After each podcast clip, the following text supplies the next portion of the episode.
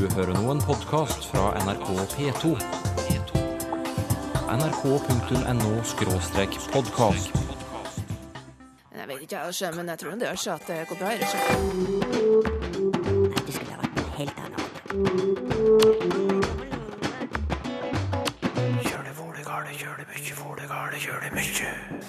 Jeg tror folk har masse tanker om hvordan en person er, basert på dialekten. Hva da hvis du snakker flere dialekter? Det kan føles komplisert, rett og slett.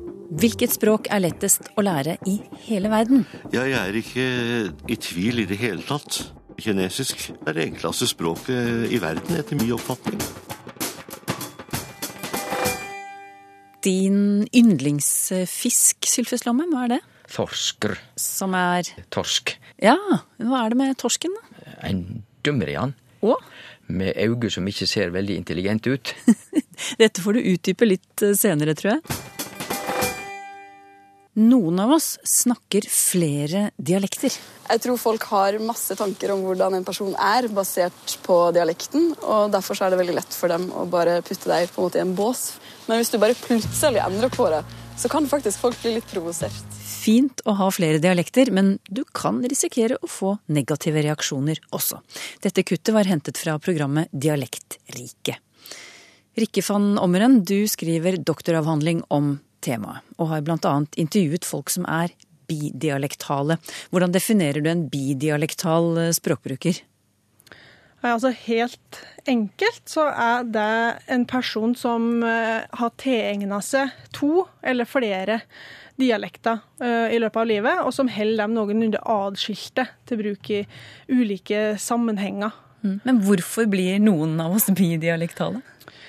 Nei, det er jo som regel fordi at folk lever i kontakt med forskjellige dialekter. Eh, Og flytting er jo et sentralt stikkord her, da. Mm. Det kan være at eh, språkbrukeren sjøl har flytta seg og tilegna seg dialekten på det nye stedet, samtidig som de har holdt fast ved den de hadde da de flytta. Eh, Eller så kan det være at foreldre er dem som har flytta på seg, sånn at eh, ungene blir bidialektale fordi de vokser opp under påvirkning av både foreldra sitt talemål og talemålet som er rundt dem i lokalsamfunnet. I doktoravhandlingen din så har du eh, bl.a. undersøkt hva slags dilemmaer en flerdialektal person kan komme opp i. Kan du gi et eksempel? Ja, um, En av dem jeg har snakka med, han kom med et, sånn, et ganske godt eksempel, egentlig. Og Han uh, snakka altså en dialekt med ei side av familien, og en annen dialekt med den andre sida av familien, og, og store deler av omgangskretsen sin for øvrig. Og Da er det snakk om en dialekt som hører hjemme i, i Sogn, og en annen dialekt som hører hjemme i Oppland, i Valdres. Og Så hadde han invitert eh, folk til å feire bursdag. Og i forbindelse med det så skulle han holde velkomsttale. Og da var det jo folk fra ulike av hans sine språklige leirer på en måte som var til stede i samme rom. Eh, og da opplevde han det som litt vanskelig å avgjøre hvilken dialekt han skulle velge. Fordi der satt det da en forsamling som hadde ulike forventninger til hvilket talemål som skulle komme ut av moren hans når han tok ordet og skulle ønske velkommen. Hva valgte han da? Jeg forsto sånn at han valgte den dialekten som uh, hørte på den plassen der festen fant sted. At det føltes naturlig. Men eh, det gikk ikke upåakta hen. Han fikk eh, noen kommentarer fra salen på at de absolutt syntes han burde ta det på den andre dialekten òg, for at det hørtes litt kunstig og rart ut. Og det ble nok sagt med, med glimt i øyet, men, eh, men det ble kommentert, ja. Dette kaller du en risikosituasjon. Hva er det du mener med risikosituasjon? I de situasjonene så ligger det på en måte en slags sånn underliggende risiko for at eh, de får reaksjoner, f.eks. Um, hvis jeg sier litt mer sånn generelt om hva som kjennetegner situasjoner som oppleves sånn, så um, er det først og fremst at det som vanligvis fungerer som sånn språkvalg som bare skjer, altså De bare gjør ting, og det går helt sånn nesten automatisk, oppleves det, det her å velge dialekt. Eh, Men i visse situasjoner så blir det ikke så enkelt å ta det her på autopilot, kan du si. Ja. Så at det kobles inn en form for bevissthet og litt sånn refleksjon over hva som vil være riktig valg. Så det kan f.eks. være sånn som med han som skulle holde tale, at eh, ulike personer eller som representerer ulike språklige leirer, er samla. Eller at det skjer mer indirekte, gjennom at du f.eks. skal legge inn beskjed på telefonsvareren din. Hvilken dialekt skal du velge da? Ja. Um, Men så kan det òg være eh, situasjoner der det ikke er kjent for alle som er til stede, at du faktisk har to dialekter som du kan velge mellom. Altså at noen kjenner det som f.eks. trønder, og så er du plutselig nordlending òg. Hva er det får det folk til å tenke og tro om det? Endre det på bildet deres av hvem du er? Men jeg skjønner ikke helt ennå hva som er problemet. Altså, Hvorfor er dette et problem for enkelte? For mange så er dialekten en veldig sånn integrert del av spesielle sosiale roller. F.eks. av å være eh, en datter eller en sønn eller en venn eller den type ting. Så at det, dialekten inngår i en, en måte å være på. Og når du da gjør eller blir satt i situasjoner som gjør at du må, må velge, eh, og kanskje ingen valg vil, vil, være helt sånn nøytrale eller perfekte, da, kan du si, så, så, kan det oppleves litt sånn traumatisk. Akkurat som at det, det kan bli satt eh, spørsmålstegn ved hvem du egentlig er, eller den type ting. At dette har noe med identitet å gjøre. Det er nok veldig sentralt. Samtidig så er det nok òg sentralt at det her er noe som de tenke seg at kan være litt sånn rart og uvanlig. At det kan oppfattes som rart og uvanlig. Og at eh, erfaringene de har, tilsier at det òg blir lagt veldig godt merke til. Og at det der i seg sjøl kan, kan, være noe som er litt problematisk. Man ja. kan jo skjønne at det, det, er litt sånn vanskelig hvis at det, samtaleemnet til stadighet skifter over fra hva du snakker om, og hva du prøver å formidle, til måten du sier det på. Hva slags reaksjoner eh, får de? Hva forteller de deg om det? Alle som jeg har snakka med, forteller at dette er noe som tydeligvis tiltrekker seg mye oppmerksomhet. De får mye reaksjoner når det viser seg at de faktisk har to dialekter. Men det er nok ofte snakk om en slags sånn overraskelse. Altså Her skjer det nå i en situasjon som altså folk viser seg å ha en dialekt folk ikke kjente til i utgangspunktet. Eh, og så er det mye nysgjerrighet. Altså hvorfor gjør du det her? Eh, hvordan får du det til? Eh, så kan det være en litt sånn godmodig erting og herming, og det tror jeg nok er det som kjennetegner de fleste reaksjonene. Altså er, de får ikke så veldig mange direkte negative reaksjoner. Men allikevel så, så, er det, som du sier, en del som opplever det som eh, problematisk av og til. Og hva, hva gjør de for ikke å bli avslørt? Altså, har du et eksempel på, på hva, de, hva slags strategier de kan velge?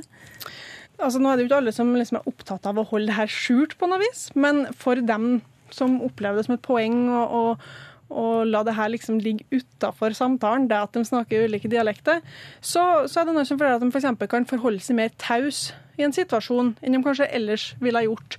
Og, eller at de gjør grep for å prøve å holde de her språklige sfærene sine litt mer adskilte, sånn at de unngår å havne i de situasjonene i utgangspunktet. Mm. Har du et eksempel på sånt grep? Lett å si at du har besøk av venner eh, hjemme hos familien din, og så snakker du en dialekt med familien og en annen med vennene, så er det jo kanskje da i de situasjonene der de er i samme rom, at det vil være eh, problematisk, da, eventuelt. Og da er det noe som forteller at de kanskje prøver å passe på at de her holder seg i forskjellige rom, rent faktisk at, det, at vennene er på rommet og foreldre er eh, i stua, og at de ikke snakker så mye i de situasjonene der de er i samme rom. Men jeg ville tro at det å snakke flere dialekter, eller ha flere dialekter i seg, først og fremst var en berikelse, og kanskje morsomt. Ja, det her med det problematiske aspektet ved det her, det er jo bare en liten del av det jeg ønsker å se nærmere på. Eh, og mange er veldig stolt av det at de har to dialekter som de behersker så bra at de på en måte går under radaren for dem som er fra de plassene som innfødte brukere av de dialektene.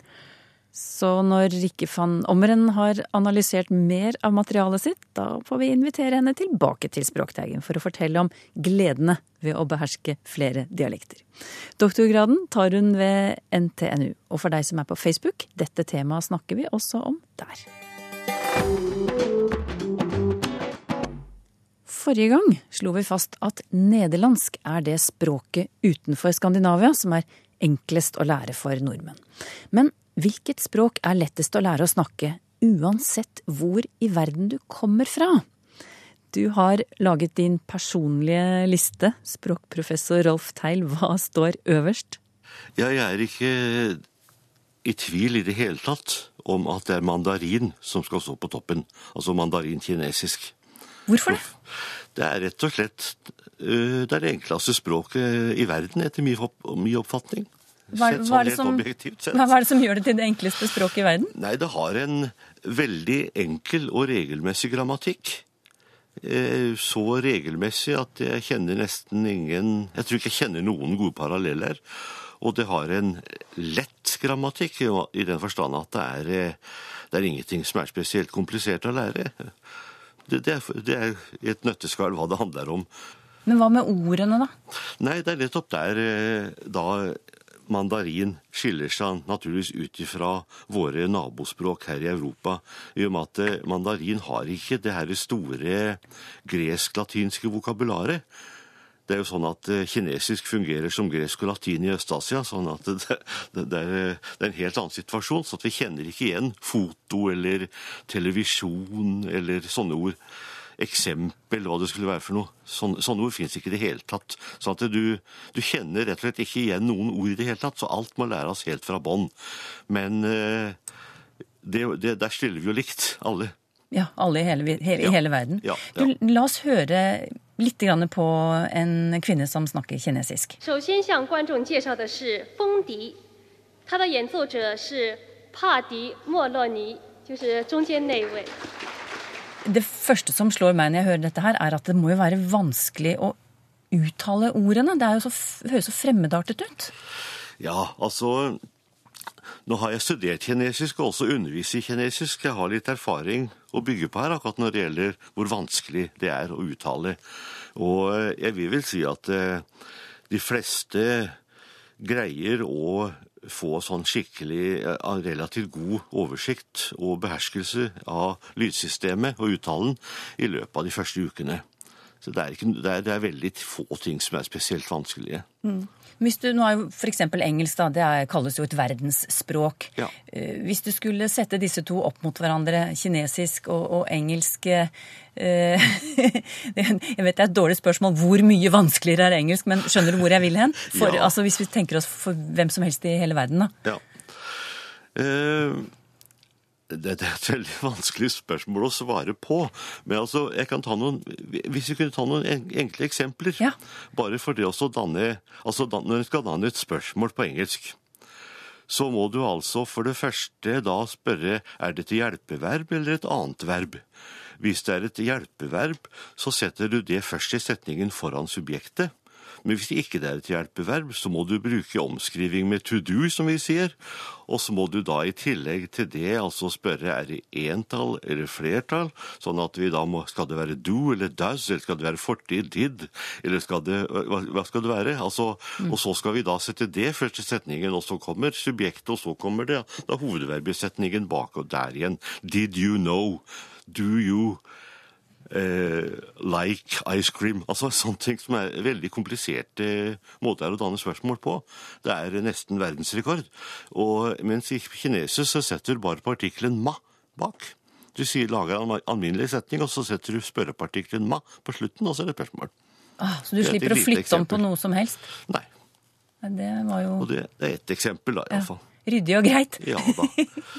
Ja, ja. Men du, nå er vi på toppen av en liste over eh, eh, språk som er lettest å lære uansett hvor i verden du kommer fra. Mm. Hvilke to språk kommer etter kinesisk på denne listen din, da?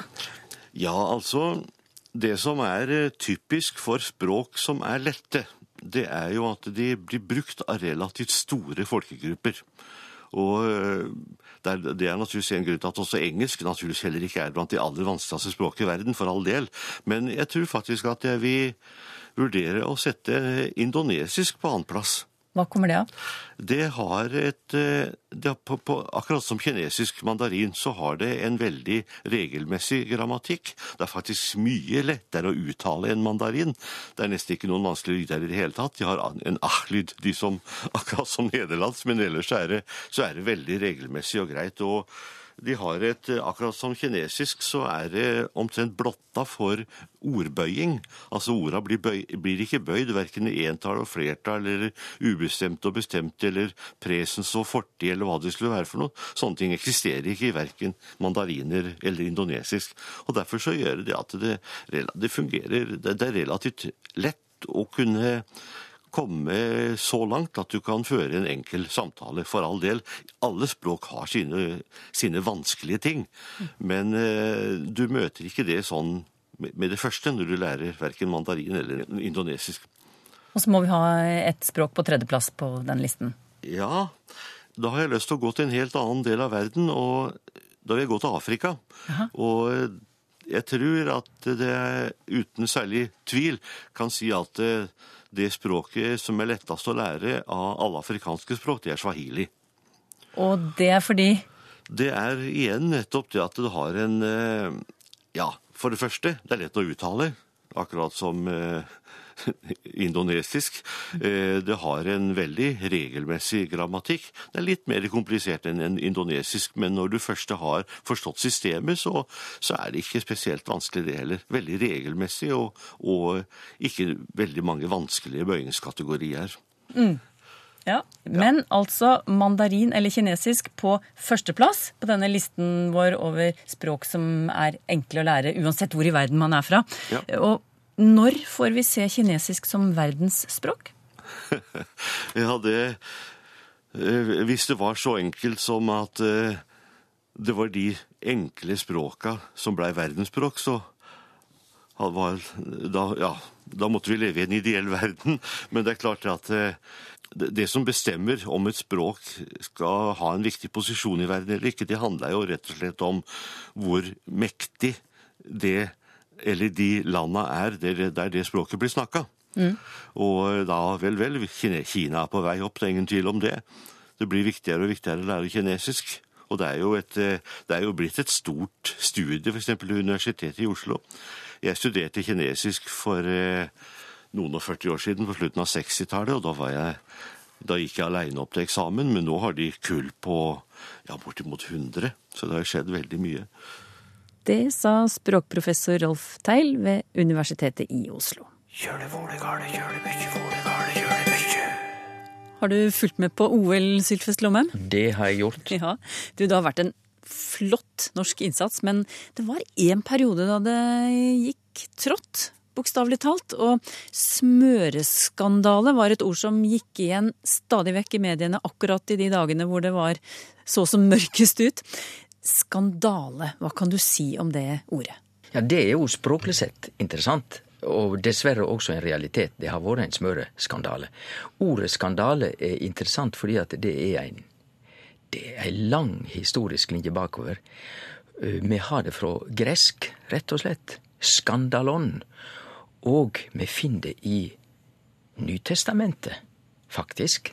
Så dette har røtter, altså smøreskandalen, språklig sett som ord, har røtter tilbake til Det nye testamentet, hos Lukas og hos Paulus. Der er det snakk om skandalon, og de bruker det som et ord for, eh, på litt stift riksmål, anstøtssten. Og jeg på nynorsk ville kalle det en snublestein. Altså, det er en liten stein, og du snover i den, og så går du på trynet. Det er skandale, historisk sett. Skandalon. Og det passer jo veldig godt når det gjelder Sotsji. De norske smørerne gikk på trynet. Hva kommer ordet torsk av, spør Eirik Oen Lie. Og forklaringa er at det er sammentrekning av turr og fisk. Og hvis du trekker torfisk sammen, så blir det torsk etter hvert. RSK. På gammelnorsk så eh, hadde de òg dette ordet thorskr. Og eh, det betyr altså at det med å tørke torsk, den fisken der, det har de gjort her i vårt land i uminnelige tider, så ordet er veldig gammelt. Og det er òg slik at ordet torsk, en ein dømmerian, er samme ord, men der har r-en forsvunnet. Men det er jo klart at alle som har sett en fisk på land, med øyne som ikke ser veldig intelligente ut, skjønner at eh, det kan være samme ord med torsk og fisken torsk. Kanskje bør legge til i eh, disse ikke sommerlige tider. Nå er jo torsken på det beste, og skreien ifra Lofoten er jo veldig god. Og ordet skrei, det er i slekt med å skria, som betyr å vandre eller å gå. Vi har jo på svensk skridskor, det er altså gåskor, skøyter. Og denne skreien, den har jo virkelig vandra. Han vandra fra Barentshavet og ned og inn til Lofoten. Så skreien betyr vandreren. Flere lyttere spør om ordet fryst. Og her er eh, to eksempler. Per H. Sæbø han kom over en avishistorie som bl.a. ble delt av mange på sosiale medier. Det var bilde av en frosk som hadde blitt offer for kuldegradene. Og overskriften lød som følger Denne fastfryste frosken fra Akershus går verden rundt. Og videre et sted lenger ned i teksten Frosken hadde nærmest fryst midt i bevegelsen da den var på vei over isen. Og også samtidig hadde nok isen fryst på veldig fort. Dette var noen eksempler fra, fra denne artikkelen. Og så har vi Turi Hakvåg som uh, stusser over uh, overskriften Coop Norge tilbakekaller Coop fryste skogsbær. Heter det virkelig fryste, sier hun. Her har du noe å, Ja. å boltre deg i. Ja, og for en gangs skyld så eh, de som marknadsfører produkt i dagligvarehandelen, her har de rett og slett rett. For det heter fryste bær. For det er bær som er fryst i en frys. Men hvis bæra frys ei kald natt om høsten ute i skogen, da har dei frose. Eller frosset på bokmål. Slik at det er enkle å holde fast, for det er nemlig to bøyinger av å fryse. Å fryse, fryste har fryst, eller å fryse, fraus har frose, eller frøs har frosset på bokmål. To bøyingsmåter. Begge kan brukes, men ikke på samme måte. Det enkle er å si at når det fryser ute i naturen, noe som frys, så er det frøs og frosset. Fraus og frose. Så bæra fraus. Og folk, frosken, han fraus fast i isen. Men når vi legger ting i frysen, da skal vi si at det er fryst. Fordi at fryst, da har vi et objekt etterpå. Du fryser bær. Altså bær er objekt. Så de såkalla transitive eh, funksjonene, da er det fryst. Og da gjør vi det i en frys. Mariann Sagvåg vil vite forskjellen på å tolke og å fortolke. For begge orda tyder jo å forstå noe. og tolke betyr å forstå, og fortolke betyr også å forstå. Men vi hadde ikke hatt dette som to ulike ord i norsk hvis det ikke var en liten meningsskilnad. Og å tolke er bare et ord for å altså forstå, men å fortolke, der fungerer for som et forsterkende forledd prefiks, og det betyr meir å gjennomtolke eller få fram eh, ei meining som kanskje ligger meir løynt, men vi får det fram. For er jo veldig vanlig som forledd i mange ord. Vi snakker om å forfine ting og forflate ting. Det forsterker og flater ting. Og vi har det òg i for-fordeler, der det forsterker, og for-fordel betyr jo å få mindre. Så fortolka er egentlig ei forsterking av å tolke. Kjetil Østvold forteller at på jobben dukket ordet nesevis opp, men ingen kunne forklare hva nese har dette ordet å gjøre. Men det kan kanskje du forklare, Sylfest? Ja, dette er litt uh, pussig, det, men nesevis er jo negativt på norsk. Det er den som uh, snuser opp ting og legger seg opp i ting han egentlig ikke skal. Men det skriver seg fra et uttrykk på tysk, nasenweis, altså weis på tysk, som betyr klok. Klok nase hadde vært den opphavlege omsetjinga til norsk. Å ha en klok nase. Men har du en klok nase, så har du en god nase. Du har god luktesans, og da kan du egentlig komme til å blande deg opp i ting som du ikke burde lukte deg fram til, og så blir du etter hvert frekk. Så det er vandringa av ordet fram til norsk nesevis. Mariann Hvitstein lurer på en ting. Flere steder i landet sier man att og fram aldri fram og att. Men fram og tilbake, derimot, det sies ofte. Er det noen god forklaring på dette, spør jeg. Ja, og jeg tror ikke forklaringa har noe med meininga, altså fram, å gjøre, men rett og slett rytme og lengde på ord. Jeg tror at vi gjerne vil, når vi snakker norsk, ha det lengste ordet til slutt. Att og fram. Fram er jo én bokstav lenger. Og vi sier fram og tilbake, for tilbake er et eh, lengre ord enn fram. Vi høyrer jo at tilbake og fram, liksom Vi kunne jo seie det, men det, det blir dårlig rytme. Så dette har med lengden på siste ord å gjøre, tror jeg. Kjernekar er et svært positivt eh, ladet ord, skriver Gunstein Seltveit. Men hva skal vi si om eh, kvinnene? Går det an å si kjernekvinne, eller hva mener du, Sylfest? Nei, det er jo slik at eh, kjernekar er jo for menn. Og det betyr at vi står med et tomrom når det gjelder kvinnene. Og vi kunne jo tenke oss at da er det ei toppkvinne, det har vi jo. Ei superkvinne. eh, ei kvalitetskvinne. Men egentlig, til mer jeg har tenkt på det som tilsvarer direkte, nemlig kjernekvinne, til finere syns jeg det er som vi kunne begynne å snakke om ei kjernekvinne og en kjernekar. Hildring, Sylfus Lomheim, det er det flere lyttere som skriver til oss om. Eksempel Kristin Eidem. Hun ble, som hun skriver, noe overrasket da hun hørte på et musikkprogram i P2 der hildringstimen ble forbundet med skumring og kveld og Den blå time. Jeg har alltid ment at denne timen beskriver morgengryet, skriver Kristin Eidem. Det kan godt hende, men sjølve ordet hildring har ikke noe med verken morgen eller kveld å gjøre. Det er et gammelt ord i norsk, og det er òg slik at folk vil kjenne det fra Haugtussa, Garborg og Hildrande du i haugen, altså ville bu eller du skal bu, og dansen, og Harald Heide Steen dreiv jo og tulla litt med dette her. Hildrande du. Så dette er et gammelt ord. Spørsmålet er hva betyr hildrande? Og det betyr det som er trolsk og fascinerende og dragende, stemningsfullt. Det ligger jo hildring. Og det betyr at en hildringstime må være en fascinerende, litt trolsk, fin stemning. Og da skjønner vi i alle fall at det ikke kan være midt på dagen. Det kan ikke være midt på natta. Det må være i overgang mellom natt og dag, eller fra dag til natt altså morgen eller kveld. Og jeg tror at eh, lenger kan han ikke komme, men de fleste bruker det om overgangen fra natt til dag, altså morgen. Ei morgenstund. Og, og Erik Bye har jo gjort hildringstimen kjent for oss alle i den flotte visa si. Har du spørsmål til Språkteigen? Skriv til Teigen, krøllalfa nrk.no, eller til Språkteigen, NRK P2, 7005, Trondheim. Så finner du oss også på Twitter og på Facebook.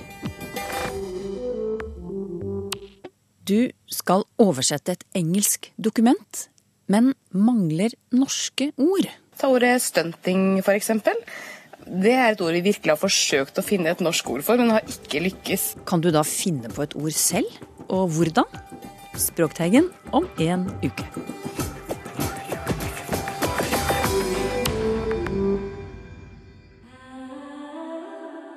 nrk.no podkast.